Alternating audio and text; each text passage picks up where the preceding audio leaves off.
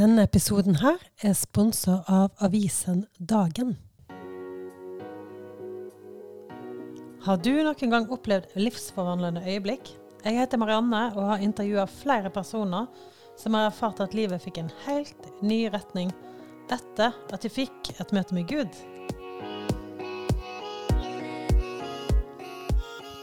Jeg bor i Oslo og jobber som podcaster, veileder og coach. Jeg har alltid likt å høre folk sine historier, særlig hva som skaper de store og de gode endringene. Og I denne episoden her så er det Kasper som skal fortelle sin historie.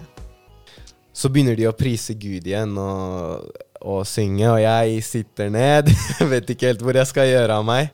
Og så plutselig så er det som Guds herlighet bare kommer, og jeg blir så rørt. Hallo, hallo.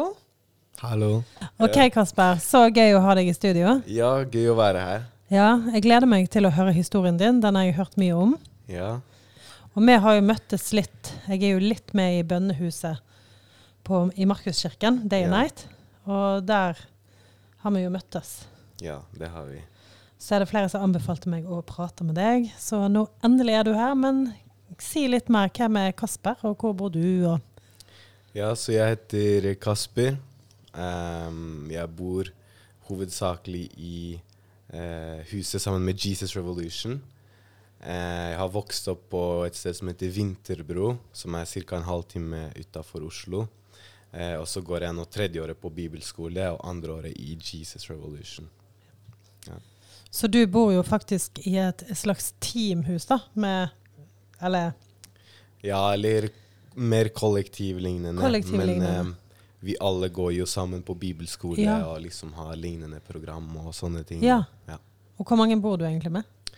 Jeg tror vi er rundt uh, 14-15 stykker. Uh, Blir du sliten av mange folk, eller er det gøy? Eh, både og. jeg tror jo man trenger jo man trenger jo litt tid for seg selv, selvfølgelig. Men eh, så er det jo en fantastisk velsignelse også, da. Um, kunne bo sammen med så mange brennende mennesker for Jesus, som har liksom samme mål og vil forkynne evangeliet til unge. Og så bor vi også eh, med Day and Night, som, som brenner for lovsang, som brenner for bønn. Og det er fantastisk å bo sammen med disse menneskene. Ja, Så du har det som plommen i eggen, rett og slett. Ja. Ja. Men eh, kan du bare si litt kort hva vendepunktet ditt handler om? ja. Så Hvis du skulle valgt liksom to setninger. To setninger. Jeg vil jo si at det handler jo om å, om å gå fra å være helt tom på innsiden, ikke ha noe mål, ikke ha noe, noe håp, eh, fra håpløshet til, til et liv fylt av glede.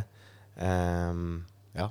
Ja, så bra. Og du er jo bare så full av glede. Det har Ja. jeg tenkt på. hver, gang, hver gang jeg har møtt deg, så bare Ja. lyser du opp eh, omgivelsene dine. Amen. Så det er så kult. Men kan du fortelle meg litt Det har jo ikke alltid vært sånn som du nettopp sa. Nei. Hvordan Eller bare fortell litt om din bakgrunn. Har du vokst opp med en kristen Har du kommet fra en kristen bakgrunn, og hvordan vokste du opp?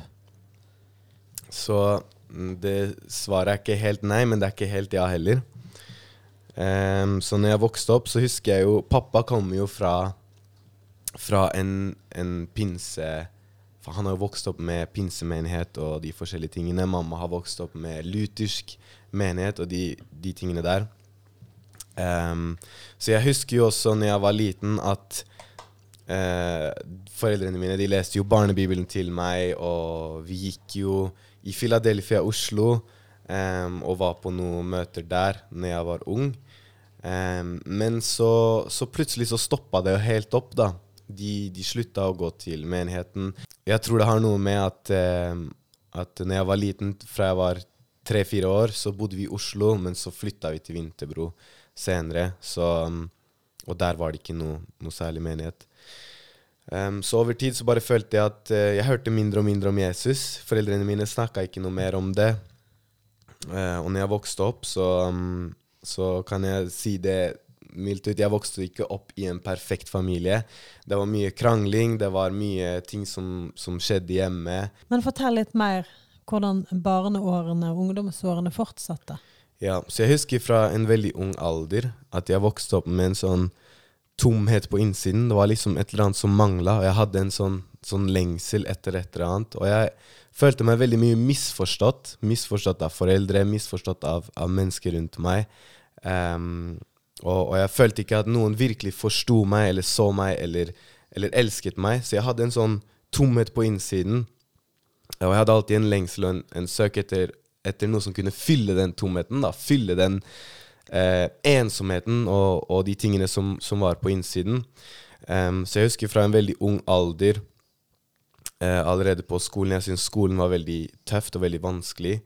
Um, og og jeg bytta skole, og, og, og, forskjellige ting skjedde. Så, så jeg syntes det var veldig Likte ikke å gå på skolen i det hele tatt. Um, gjorde det ikke spesielt bra på skolen heller. Um, så, men jeg husker jo allerede på skolen og fra ung alder at jeg, jeg lette etter noe mer, og jeg begynte å søke liksom i mennesker, for eksempel. Da, eh, at mennesker, jeg ville at mennesker skulle like meg, akseptere meg, de forskjellige tingene.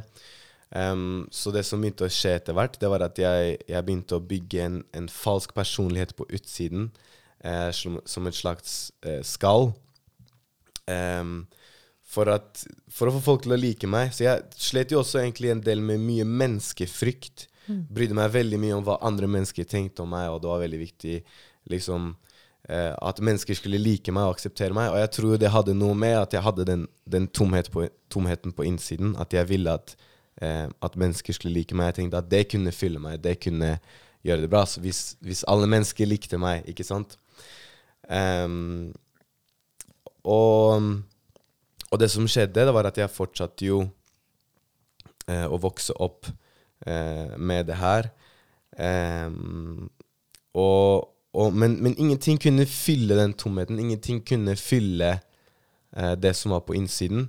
Og jeg bar også på mange tunge byrder, mange ting av, av småting som hadde skjedd eh, oppover i, i, oppveksten, som jeg aldri åpna opp om, aldri delte med noen. Bar på veldig mange tunge byrder. Um, følte ikke at jeg kunne stole på noen med å åpne opp med ting, for jeg tenkte ingen forstår meg, ingen eh, jeg, jeg, har ikke noen jeg kan stole på å dele disse tingene med. Så jeg bar på veldig mange tunge ting også på, på innsiden. Um, så det som begynte å skje uh, når jeg ble eldre, var at jeg begynte jo å søke i andre steder. Jeg begynte å søke i um, andre religioner. For jeg tenkte det må finne noe mer. Det må finnes noe mer. Så jeg gikk jo inn, endte jo opp med å gå inn i New Age. Eh, som leda til yoga og meditasjon og, og alle de tingene her som jeg tenkte først at jeg har funnet noe viktig, jeg har funnet noe som, som ikke alle andre har, og det her det var en slags stolthet i det, da, fordi man tenker jo at at, um, at man har noe ingen andre har, som gjør at man blir bedre, eller et eller annet sånt. Så jeg begynte jo å putte sikkerheten min, selvsikkerheten min, i disse tingene, i, i de tingene jeg gjorde. Um, og, og, først så tenkte jeg at det her fungerer, det her fungerer bra, det får meg til å føle meg på en spesifikk måte. Jeg tenker at det fungerer. Uh, så jeg holdt jo på med det her, og gikk mer og mer inn i det, sakte, men sikkert. Um, og jeg tenkte at det her var, var, bra, det her var sant, det her var riktig. Så når jeg kom på videregående, etter et halvt år på førsteåret mitt på videregående, bestemte jeg meg vet du hva, jeg skal ta pause fra videregående, og så skal jeg fullføre videregående senere. Så jeg droppa ut av videregående i ett og et halvt år.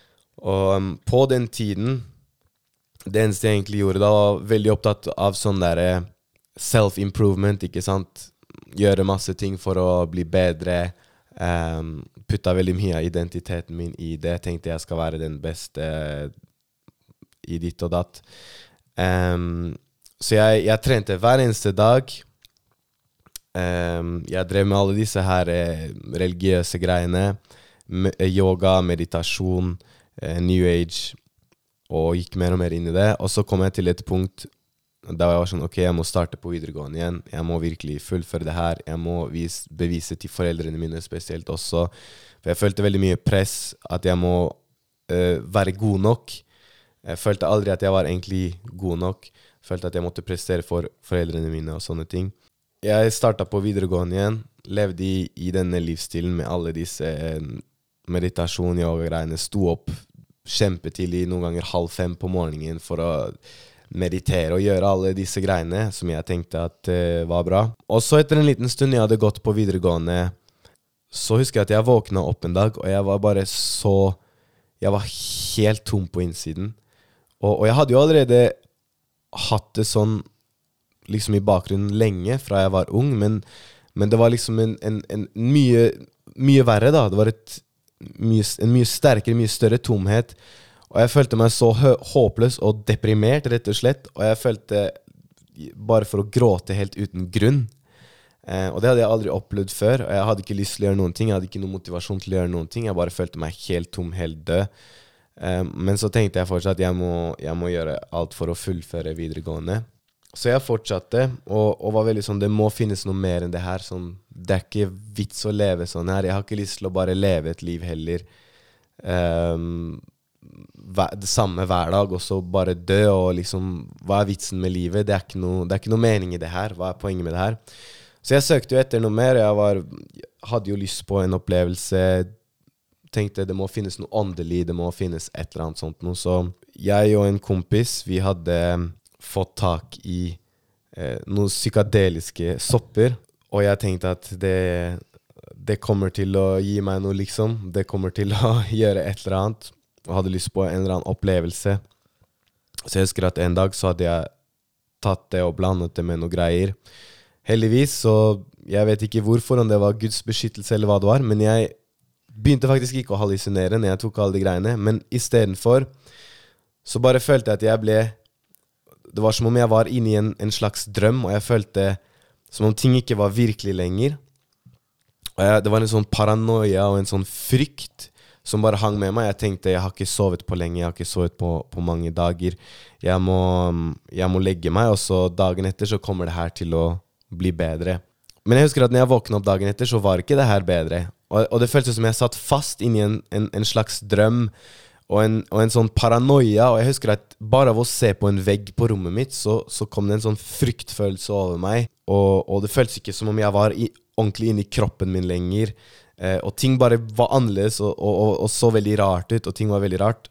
Og jeg tenkte sånn Nå har jeg ødelagt meg selv. Nå har jeg virkelig ødelagt meg selv. Nå er, det, nå er jeg ferdig. Nå, nå, er det ikke noe mer håp. Nå, nå har det gått så langt at nå Jeg vet ikke hva jeg skal gjøre. Så jeg husker at tre, til og med tre dager senere så husker jeg at jeg hadde bursdag. Vi skulle ut og spise på bursdagen min med, med familien. Eh, og jeg begynte å gråte i bilen. Jeg sleit med å komme ut av bilen, for jeg syntes det var skummelt å gå ut av bilen. Og sleit virkelig med det. Jeg føltes som jeg var i en slags film. Um, og jeg tenkte ingenting kan fikse meg. Jeg vet ikke hva jeg skal gjøre. Så det som endte opp, var at jeg droppa ut av skolen igjen. Jeg tenkte nå har jeg feila igjen. Klarer ikke å gå på skolen. Jeg sitter med alle disse her tingene og problemene. Jeg gikk til psykolog. Psykologen kunne ikke hjelpe meg i det hele tatt. Um, ingenting kunne hjelpe meg, egentlig. Og jeg bare levde hjemme, bodde hjemme, i håp om at kanskje noe kom til å bli bedre. Um, følte mer enn at noe blir bedre, så ventet jeg meg egentlig mer til å bare leve sånn. Uh, og hadde ikke no, noe glede på innsiden. Um, ingenting. Og så Så husker jeg at jeg, jeg levde sånn, og jeg bodde hjemme uten å egentlig gjøre noe spesielt. Kutta kontakt med mange av menneskene jeg kjente. Ja. Isolerte deg, mer eller mindre? Ja, mye isolasjon. Jeg, jeg hadde jo to barndomsvenner som jeg hadde kontakt med og var litt med, og sånn, men, men, mye isolasjon, ja. Hvordan reagerte familien din på denne endringen som skjedde med deg? Um, jeg tror egentlig Så jeg, jeg delte jo noen ting med dem. Jeg vet egentlig ikke Helt ærlig så vet jeg ikke hva som foregikk i deres tanker og deres sitt sinn.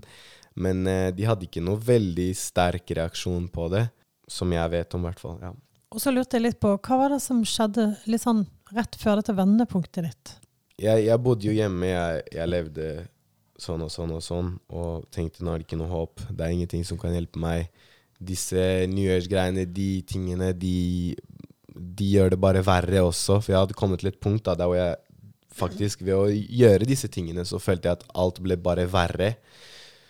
Så jeg var liksom sånn Det her fungerer heller ikke. Selv om det, det virka som om det fungerte i starten, og det virka som om det var noe bra greier, men, men jeg skjønte etter hvert at det var ikke det, for det ble bare verre. Kan du si litt mer om hvordan det føltes når det ble verre? Um, det var akkurat som om ved å gjøre disse tingene, så, så forsterka det den frykten og den paranoiaen og, og de tingene da som, Ja, som var der. Jeg husker det var når vi kom til sommeren i 2021, ca. et halvt år senere etter at, at alle disse tingene her hadde skjedd, så um, endte jeg opp med en, i en krangel med faren min, eh, som var mye mer enn det egentlig hadde vært før, da. Det var liksom mye verre, og vi krangla veldig. Eh, og det endte opp med at jeg dro til en kompis og, og sov der, og så gikk vi bare ut og drakk masse øl. Gikk på tur og drakk øl, og jeg ikke, snakka ikke noe med faren min, hadde ikke noe kontakt med han eh, på den tiden. Um, og jeg husker at jeg og kompisen min vi dro på en ungdomsleir eh, som vi var ledere på. En, en ortodoks kristen ungdomsleir, faktisk. Og jeg husker at der så bare begynte jeg å tenke og, og, og reflektere. Jeg bare sånn, jeg er så lei av å leve på den måten her. Jeg er så lei av alt det her, fordi det var jo også mye krangling hjemme. Jeg hadde ikke noe god relasjon med foreldrene mine. Um, og, og, jeg tenkte liksom, jeg er jo ikke noe, egentlig noe perfekt person heller. Jeg orker ikke å leve på den måten her. Så begynte jeg å få sånne tanker at jeg skulle koble meg til et kristent fellesskap. Og jeg vet ikke hvorfor, men eh, jeg begynte å få de tankene. Så husker jeg at etter det møtet Nei, etter denne ungdomsleiren her, så kom jeg hjem, har fortsatt ikke møtt faren min igjen. Em, og så møter jeg mamma, og så sier hun Du, jeg skal på et kristent møte på noe som heter Oase i Fredrikstad. Hvis du har lyst til å bli med, så kan du bli med på det. Og jeg tenkte nei, jeg tror ikke på de greiene her. Hvorfor skal jeg på, bli med på de greiene her? Så bare en liten backstory også. Eh, Det er at um, mamma ble frelst i 2019. Så hun, hun kom jo fra en luthersk bakgrunn og, og, og sånn, men det var ikke før i 2019 hun virkelig ga livet sitt til Jesus, ble født på ny. Og da har hun gått på møter og forskjellige sånne ting. Så hun inviterte meg dit. Jeg ender opp med å, å si nei. Og så sier hun det er greit, men hvis du ombestemmer deg, så kan du bli med senere. Da kan du komme ned senere. Så tenker jeg det kommer aldri til å skje. Men det var akkurat det som skjedde. Så jeg bestemte meg, vet du hva, jeg skal dra ned på de greiene her. Så jeg reiser, jeg tror jeg reiste to timer kollektivt for å komme ned dit, og veldig ulikt meg for å bli med på noe Kan du bare, kristne. kan du bare si hva, som, hvordan, hva var situasjonen når det plutselig snudde? Var det en tanke som plutselig kom? For du hadde jo sagt nei, jeg skal ikke det, og så plutselig reiser du. Ja, nei, jeg tenkte bare ok, kanskje det er noen hyggelige folk jeg kan møte der. Skjønner. ja. Ja. Liker du de her vendepunktene? Det er jeg sikker på du gjør, siden du har kommet så langt ute i episoden. For ti kroner så kan du abonnere på Avisen Dagen i ti uker. Gi det en sjanse. Ehm, så jeg ender med å, å, å dra dit. Vet egentlig ikke hvorfor jeg, hvorfor jeg er der. Hva, hvorfor skal jeg bli med ut? Følte meg egentlig veldig ukomfortabel å være der. Jeg husker jeg var med mamma, liksom holdt meg veldig nær mamma. For jeg følte meg ikke komfortabel i disse kristne settingene. Og jeg husker at jeg pleide alltid å se på kristendommen som en veldig sånn tom og en død religion. Um, jeg husker, for jeg, vi hadde jo også vært en del i Eh, ikke for å si at, det, at noen statskirker eller, eller at ikke det finnes åndsfylte lutisk, lutherske menigheter, for det gjør det helt sikkert også, men i hvert fall det jeg hadde vært i, da, de menighetene som jeg hadde vært i senere i livet, eh, etter fila når jeg var ung, bare virka så tomt og så dødt liksom for meg at det var liksom ikke noe jeg hadde, jeg hadde ikke lyst til å være der engang. Så jeg så på kristendommen som en veldig sånn tom og en død religion, da. Ehm, um, så jeg husker jeg var der, var ikke i noe spesielt godt humør. Og liksom gikk rundt der. Og mamma og farmoren min var også der. Så husker jeg at vi, vi, jeg ble med dem da på voksenmøte. Det var masse gamle folk der. Og så tenkte jeg sånn Vet du hva, jeg har lyst til å gå på ungdomsmøte. Og jeg, og jeg skjønte ikke Da skjønte ikke jeg hvorfor. Eh, nå skjønner jo jeg at det var Den hellige ånd som, som putta det på hjertet mitt. Men, men jeg bare fikk en sånn sterk sånn Vet du hva, jeg, jeg, på, jeg har lyst til å gå på ungdomsmøte. Veldig ulikt meg, fordi jeg ville ikke gå uten mamma noe sted Ja, ja. i disse kristne settingene. Fordi hun var kristen, og det var ikke jeg, så da kunne jeg gjemme meg litt bak mamma. Um, så gikk jeg inn på, på ungdomsmøtet, og så husker jeg at folk sto med armene i været og priste Gud. Jeg tenkte hva er det de folka her driver med? ikke sant? Er de, er de lurt? ja. Det var det jeg tenkte. ja, interessant. For jeg tenkte, jeg trodde jo på alle disse New Year-greiene og men- Så jeg sitter ned, alle står oppreist, spiser Gud. Jeg sitter ned, jeg bare venter der. Og så kommer det en dame på plattformen, og hun begynner å dele om hvordan hun gikk på turer med Jesus. Hvordan hun gikk i en, i en personlig relasjon med Jesus. Hun, hun snakka med Jesus, var åpen med Jesus, fortalte Jesus om tingene hun hadde på hjertet sitt. Og disse forskjellige tingene. Og jeg hadde aldri tenkt på Gud eller på kristendommen på noe som, som en, en relasjon med en dialog. Så det var veldig nytt for meg. Og et eller annet i meg var bare åpna seg opp litt og var sånn, vet du hva, hvis, hvis Jesus er Gud, hvis han kjenner meg, hvis han forstår meg, hvis han ser meg, hvis han elsker meg, hvis han eh, skapte meg. Selvfølgelig har jeg lyst til å kjenne Jesus. Men så var det liksom en sånn baktanke. Ok, men kanskje hun dama her eh, bare tror det, så derfor at hun tror det oppi hodet, men at egentlig ikke det her er reelt, da. Jeg, men det var et eller annet i meg som, som lengta etter, etter en relasjon med, med Gud, da, når hun hadde fortalt om det. Og så, så husker jeg at etter hun var ferdig å tale Det er liksom det jeg husker mest fra talen hennes. Da Hun snakka sikkert om mye annet også, men det var det som, som satt igjen. Så begynner de å prise Gud igjen og, og synge, og jeg sitter ned. Jeg vet ikke helt hvor jeg skal gjøre av meg. Og så plutselig så er det som Guds herlighet bare kommer, og jeg blir så rørt. Og det var bare en sånn helt ubeskrivelig følelse. Det var som om jeg så det fineste jeg noensinne har sett i mitt liv. Og, og, og jeg ville bare gråte. Det var sånn Jeg bare ville bare gråte. Jeg ble så rørt. Men det var ikke tårer av håpløshet eller av noe vondt. Det var bare Jeg ble så rørt av Gud og Guds nærvær. Og i det øyeblikket så var det som om jeg bare Jeg var liksom Hva er det som skjer? Et splittsekund i hodet mitt tenkte jeg, men så var det som Jeg fikk en en tanke, en overbevisning, at jeg bare visste at jeg visste at jeg visste at det her er Jesus, og jeg visste at jeg visste at Jesus er ekte. Og jeg skjønte at Jesus har vært ekte hele tiden. Det er han jeg har lett etter hele tiden. Jeg skjønte at han er, som Bibelen sier også, sannheten, veien og livet. Og i det øyeblikket så skjønte jeg, vet du hva, det er ikke de New Age-greiene, det er ikke de yogagreiene, de meditasjon, det er ikke det som er sannheten, det er ikke det som er det virkelige. Jeg skjønte at det var bare, bare tull. Og jeg skjønte at det var Jesus jeg hadde lett etter. Det er det her som er sannheten. Og jeg, jeg, jeg ble så rørt og, og, og, og, og, rysta av det her. Så husker jeg jeg kom jo ut av møtet, og jeg sa til mamma Jeg var helt liksom sånn i sjokk nesten i noen dager etter det her, altså. Så jeg sa liksom til mamma Mamma. Ja, vi må, vi må, jeg må vite mer om Jesus. Vi må finne ut mer om Jesus. Sånn. Hvor er neste møte? Vi må dra på neste møte. Jeg må vite mer om Jesus. Wow. Og da var det jo um, Det hadde jo vært siste møte på Oase. Og da sa mamma Eller da hadde mamma fått tipsa, jeg vet ikke om hvem det var, om det var farmoren min eller et eller annet sånt noe, at em, at det var noe som het Himmel og hav.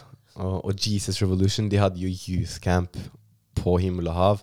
Så for å gi en liten backstory i det her, da, som jeg fikk vite senere av, av mamma, det var jo Oppi hennes sitt hode så tenkte hun nå har endelig sønnen min eh, blitt sulten på Jesus og vil vite mer om Jesus. Nå må jeg passe på at han eh, kommer til de riktige folkene og det rette stedet, sånn at ikke um, ikke det her stopper opp, ikke sant? At han ikke skal bli skremt vekk fra noe som er for radikale, eller eh, noe sånt. Og det var det mamma tenkte, som var logisk i hennes hode. Jeg visste jo ikke noe om det her. Um, så hun tenkte jo, hun hadde jo hørt om Jesus Revolution, og de var veldig radikale og, og, og sånne ting, så hun tenkte at, at ehm, fordi jeg husker at mamma nølte litt sånn med å dra til himmelen. Og jeg skjønte ikke hvorfor. Jeg var bare 'Mamma, vi må dra dit, vi må dra dit, vi må dra dit'. Men hun nølte veldig. mm, Og det hun fortalte, det var at hun tenkte at hvis Jesus Revolution er der, så ville ikke jeg dra dit. Fordi da er jeg redd for at Kasper skal bli skremt vekk fra de i Jesus Revolution. Så hun tenkte at, um, at hun skulle finne ut av det først, og så uh, drar vi dit. Så, så hun, hun gikk på nettsiden og sjekka og prøvde å se. Og, og det her, jeg tror virkelig det var Den hellige ånd som blindet mamma fra det her. Fordi hun eh, så på nettsiden, og det er jo veldig klart og tydelig at det er Jesus Revolution som har Youth Camp. Ja, Men hun klarte ikke se det. Hun, hun kunne virkelig ikke se det. Eh, og hun så Jeg tror hun, faktisk hun så at det sto YWAM isteden. Fordi de, vis, de visste hun om, og de tenkte det er trygge mennesker. Så hun sjekka, hun sjekka flere ganger. Sjekka flere ganger. Kunne ikke se det. Mm. Til slutt så meldte hun meg på. De ungdomslæreren med, med forskjellige aktiviteter og forskjellige ting. Og likevel kunne hun ikke se at det var Jesus Revolution. Så det var Det er veld, veldig interessant. Veldig interessant. Eh, så vi endte opp med å, med å dra dit. Vi drar dit. Når vi kommer dit, så ser mamma noen med Jesus Revolution-T-skjorte. Hun tenker at de bare er her for å se på de også, ikke sant? Hun skjønner jo ikke at det er de som har det. Jeg husker første kvelden jeg kommer, så er det Sebastian Mælen som deler vitnesbyrdet sitt. Og jeg husker at det var så sterkt, og jeg bare skjønte at det her er sant. Jeg visste at det her var sant, og det var jo veldig radikalt og, og, og, og sterkt det vitnesbyrdet han delte, og jeg skjønte det her er, det her er virkelig, det her er sant. Så dag to også er det vitnesbyrd. Jeg tror det var på dag tre. Jeg tror det var Nathan Osnes som delte da, hvordan han hadde terrorister etter seg og drev med misjon og engler som beskytta han, og gikk med machete i 14 timer i jungelen til kannibalstammer og, de tingene her. Og jeg skjønte jo det her er ekte! Det her er skikkelig radikalt. Og så husker jeg at det var et alterkall for de som ville ta imot Jesus. Og da kom jeg fram på, på alterkallet, og det var da jeg først em, åpenlyst bekjente troen og bestemt tok imot Jesus da som en sånn offentlig bekjennelse. Jeg har lyst til å følge Ja. Jesus. Så vendepunktet ditt er, er, er, er vel kanskje når du er på oase, men òg når du tar endelig beslutningen. Ja, det var jo det. Det var jo en, en ting til, da. Og det var jo at på himmel og hav så var det en eh, av de som var i Jesus Revolution, som hadde gått der en stund, som kom til meg og begynte å snakke med meg. Og, og sa helt ut av det blå egentlig Jeg vet ikke hvorfor, men jeg kan virkelig se deg i Jesus Revolution. Og da tenkte jeg Jeg vet ikke hva Jesus Revolution er. Ja. uh, men ok, hva, hva er Jesus Revolution? Så spør han, vet du hva misjon er? Det vet jeg heller ikke hva er. Så forteller han liksom ja, det er å reise i forskjellige land og fortelle om Jesus og sånne ting. Så tenkte jeg ja, det høres jo kult ut å reise. Jeg syns jo det er gøy å reise, men eh, det jeg tenkte, det var det kommer sikkert aldri til å skje. men han hadde i hvert fall sagt det, da. Um, og jeg husker at etter den kvelden jeg hadde gitt livet mitt til Jesus, så før jeg la meg, så ba jeg. Og da sa jeg liksom Gud, la din vilje skje i mitt liv. Hvis du vil ha meg i Jesus Revolution, så ber jeg om at da må det skje. Da må jeg ende opp, ende opp der. Og, og de Jeg ble jo følte at jeg ble litt fulgt opp i det, eh, men, eh, men jeg måtte jo også ta bestemmelser. Så jeg skrev inn søknad og, og de forskjellige tingene. Og de sa jo til meg at de vanligvis aldri slipper inn nyfrelste folk da, som er så ferske i, i troen. Eh, men så jeg endte opp med å gjøre det. Jeg endte opp med å bli tatt inn, og jeg kom inn i Jesus Revolution da, tre-fire uker etter at jeg hadde blitt frelst. ja, ikke sant. Og hvordan fortsatte livet etter dette vendepunktet? Jo, så jeg husker jo når vi kjørte hjem fra himmel og hav i bilen, så husker jeg jeg satt i baksetet, og så plutselig så bare begynte jeg å gråte. Og jeg skjønte ikke hva som skjedde med meg, men jeg bare begynte å gråte og gråte og gråte. Jeg opplevde virkelig Guds kjærlighet. Og, jeg, og jeg, Gud viste meg liksom at han hadde sett meg hele tiden. Han hadde sett alt jeg hadde gått gjennom. Han hadde vært der helt fra jeg var ung, og møtte meg virkelig med en sånn uforklarlig, ubeskrivelig kjærlighet. Så jeg lå bare i baksetet og gråt i over en time på vei hjem fra, fra himmel og hav eh, i Guds kjærlighet. Og når jeg kom hjem, så husker jeg at jeg løp ut av bilen på terrassen til faren min, og jeg ga han en stor klem, og jeg sa jeg har møtt Jesus, jeg har møtt Jesus, jeg har møtt Jesus. Og, og vi, vi, gjorde jo opp med hverandre. Vi, relasjonen vår ble gjenoppretta, og, og, over den tiden også jeg har vært eh, vandra med Jesus. Han har restaurert gleden i mitt liv, fylt meg med en sånn glede som, som, som ingenting annet kunne gjøre. Han har fylt den tomheten som, som jeg hadde på innsiden, virkelig fylt meg med håp. Um, og leget også de tingene som de forskjellige stoffene og de tingene jeg hadde tatt, da, hadde gjort med meg, som, som ingenting annet kunne fikse. Men Jesus satte meg helt fri fra det, uh, og, og, leget meg fra de tingene, fra, fra frykt og be bekymring og alle disse tingene. Så han har gjenoppretta veldig mye i familien også, og i meg.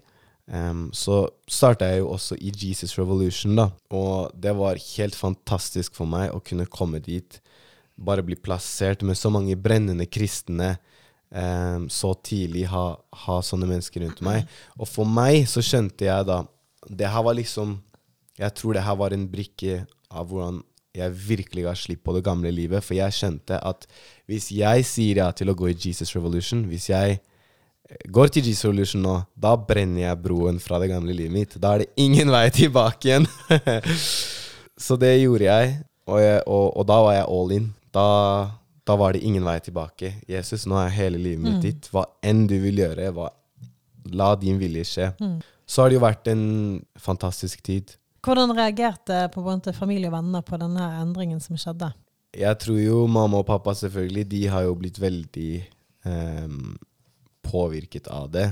Og de har jo også på en måte kommet mer til, til Jesus. Pappa har kommet mer tilbake til Jesus etter det og sånne ting. Jeg må bare si også en ting da. Mamma er veldig glad i Jesus Revolution, og de støtter meg veldig av at jeg er der. Mm, jeg skjønner. Og venner, da? Hvordan eh, Var det litt uvant for dem at du gikk en helt ny retning? Så jeg delte med de to nærmeste vennene mine veldig åpent. Evangeliserte til dem og, og delte med dem. Ingen av dem ville ta imot Jesus, først og fremst, men de, de støtta meg og var glad på mine vegne. Um, de andre vennene mine de kutta jeg egentlig mye kontakt med uh, før, når jeg, når jeg, kom til virkelig den vanskeligste tiden i mitt liv. Uh, så jeg har ikke hatt så mye kontakt med dem, og så heller ikke etterpå hatt noe særlig kontakt med dem. Um, de vet jo litt når de har spurt liksom, ja, hva gjør du nå, så jeg har jo nevnt det, så de vet Men jeg har ikke, har ikke virkelig delt med dem da, på samme måte. Har du noe sånn helt til slutt du kan dele til de som går rundt og kjenner på den enorme tomheten og søken etter mening? Ja, det er at det, det, finnes en løsning, og det finnes et håp. Gud skapte deg ikke til å leve i tomhet og håpløshet og depresjon og bundet av forskjellige ting, men Gud skapte deg for å leve med Han, for å kjenne Han, for å leve i frihet. Og det er et håp, og det er en løsning der, og det er Jesus. Han har tatt alt på korset. Han døde for deg på korset. Betalte for, for din skyld. Alle dine misgjerninger tok han på seg selv Så opp igjen tredje dag, sånn at vi kan komme til Han. Ta imot akkurat som vi er. Bare komme til Han og ta imot den nåden, fordi det er bare ved Hans godhet, Hans kjærlighet og Hans nåde. Det er ikke ved noe vi kan gjøre, eller ved våre gjerninger, men det er pga. det Han har gjort. Så kan vi komme til Han, gråte ut til Han, rope ut til Han, si 'Jesus, jeg vil følge deg, jeg vil gi mitt liv til deg'. Tilgi meg for min synd. Jeg omvender meg fra min synd. Vask meg ren ditt blod. Jeg vil følge deg. Kom inn i mitt liv. Jeg vil kjenne deg så vil han sette deg fri, og han vil gi deg frihet. Han vil gi deg fred, han vil gi deg evig liv. Han vil fylle deg med en, en sånn glede og et sånt liv som ingenting annet kan gjøre. Har du lyst til å, Hvis det er noen som kjenner oi, dette her vil jeg ha tak i, jeg vil invitere Jesus inn, har du lyst til å bare be en bønn for dem? Nå så må de selvfølgelig ta kontakt med en menighet og gå ja. nærmere noen. Bare hvis det er noen som kjenner nå, vet ikke jeg er klar for å invitere Jesus inn nå. Ja, det kan vi gjøre. det ja. kan vi gjøre. Ja. Så da bare hvor enn du er nå, så bare ber jeg deg om å, om å, om å gjenta etter meg høyt nå, hvis du har lyst til å ta imot Jesus. Så kan jeg gjenta på vegne, sammen med de som det hører på. Mm. Ja. Og da er det ikke sånn at det er bare for å si noen, men det er fordi Jesus hører deg. Gud hører deg når, når du ber det her. Um, så la oss bare be i tro. Jesus, Jesus, jeg tror jeg tror at du er Guds sønn. At du er Guds sønn. At du døde på korset for meg. At du døde på korset for meg. For min synd. For min synd. At du sto opp igjen tredje dag. At du sto opp igjen tredje dag. Og jeg kommer til deg nå. Og jeg kommer til deg nå. Jeg bekjenner at jeg har syndet, Jeg bekjenner at jeg har synda. men jeg ber tilgi meg for min synd. Jeg ber tilgi meg for min synd. Jeg omvender meg fra det gamle livet, Jeg omvender meg fra det gamle livet. fra all synd. Fra all synd. Vask meg ren. Vask meg ren.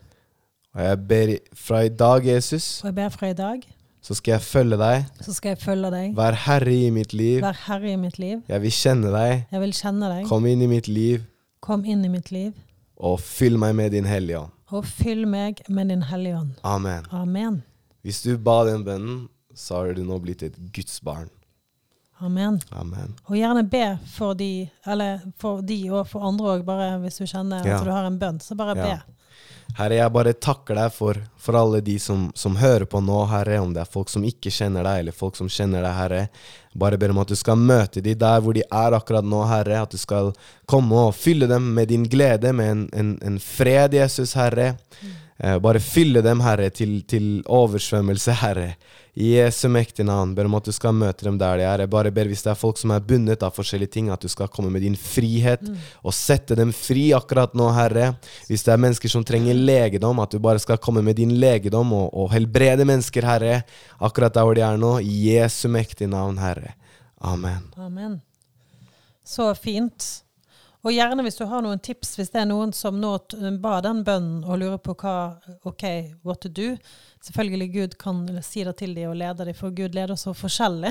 Ja. Men har du noen bare råd til hvor, hvordan folk kan ja. gå videre nå? Det, det har jeg. Og det er Bibelen sier jo at det er jo veldig viktig at vi er koblet med, med andre troende, andre kristne, så jeg anbefaler deg veldig, virkelig, hvis du har tatt dette valget nå, du vil følge Jesus, koble deg opp med andre troende, koble deg opp med en menighet. Eh, hvis du bor i Oslo, så, så går jeg personlig, i hvert fall i Jesus Church, en veldig fantastisk menighet på Sankthanshaugen. Du kan finne det på Google hvor det er. Eh, hvis du har lyst til å komme dit, så er du hjertelig velkommen til å komme dit. Eh, og så anbefaler jeg virkelig så fort som mulig å få tak i en bibel eh, og begynne å lese Bibelen, fordi det er vårt daglige brød. Det er vår åndelige mat som holder oss levende og brennende med Jesus. Det er der vi virkelig kan bli kjent med Jesus og kjenne ham. Så er det bare å, å alltid kunne Du kan alltid snakke med Jesus hvor enn du er. Be til han, eh, og han vil høre deg, og, og han er nær deg. Ja. Veldig fint. Og um, det er bare at å komme innom kollektiv òg, hvis du bor i Oslo. Kollektiv Imekirken. Der går jeg. Ja. Og det er bare til å ta og si hei til meg hvis du har hørt på denne podkasten og vil snakkes, eller jeg vet ikke om det er greit for deg at folk sier hei til deg hvis de kommer innom Jesus Selvfølgelig. Ja. Ok, så flott. Men du, hva skal du resten av dagen? Um, jeg har ikke noe egentlig store planer. Uh, slappe av. Juleferie. Ja, deilig, deilig. Ja.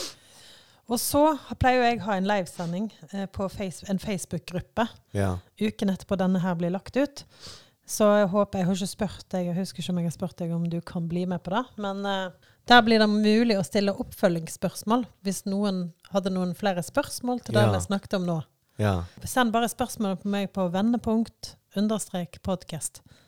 Eller på en messenger, messenger på Facebook. Og så skal jeg eh, stille deg oppfølgingsspørsmål. Ja. Flott. Da høres vi i neste episode. Så må du som hører på, ha, det, ha en fin, fin tid til neste gang du lytter. Ha det godt. Ha en god dag. Ha det. Nå hørte du Kasper dele sin historie. Han gikk fra tomhet og håpløshet til liv og glede. Likte du episoden? Del den gjerne på Facebook eller på Instagram.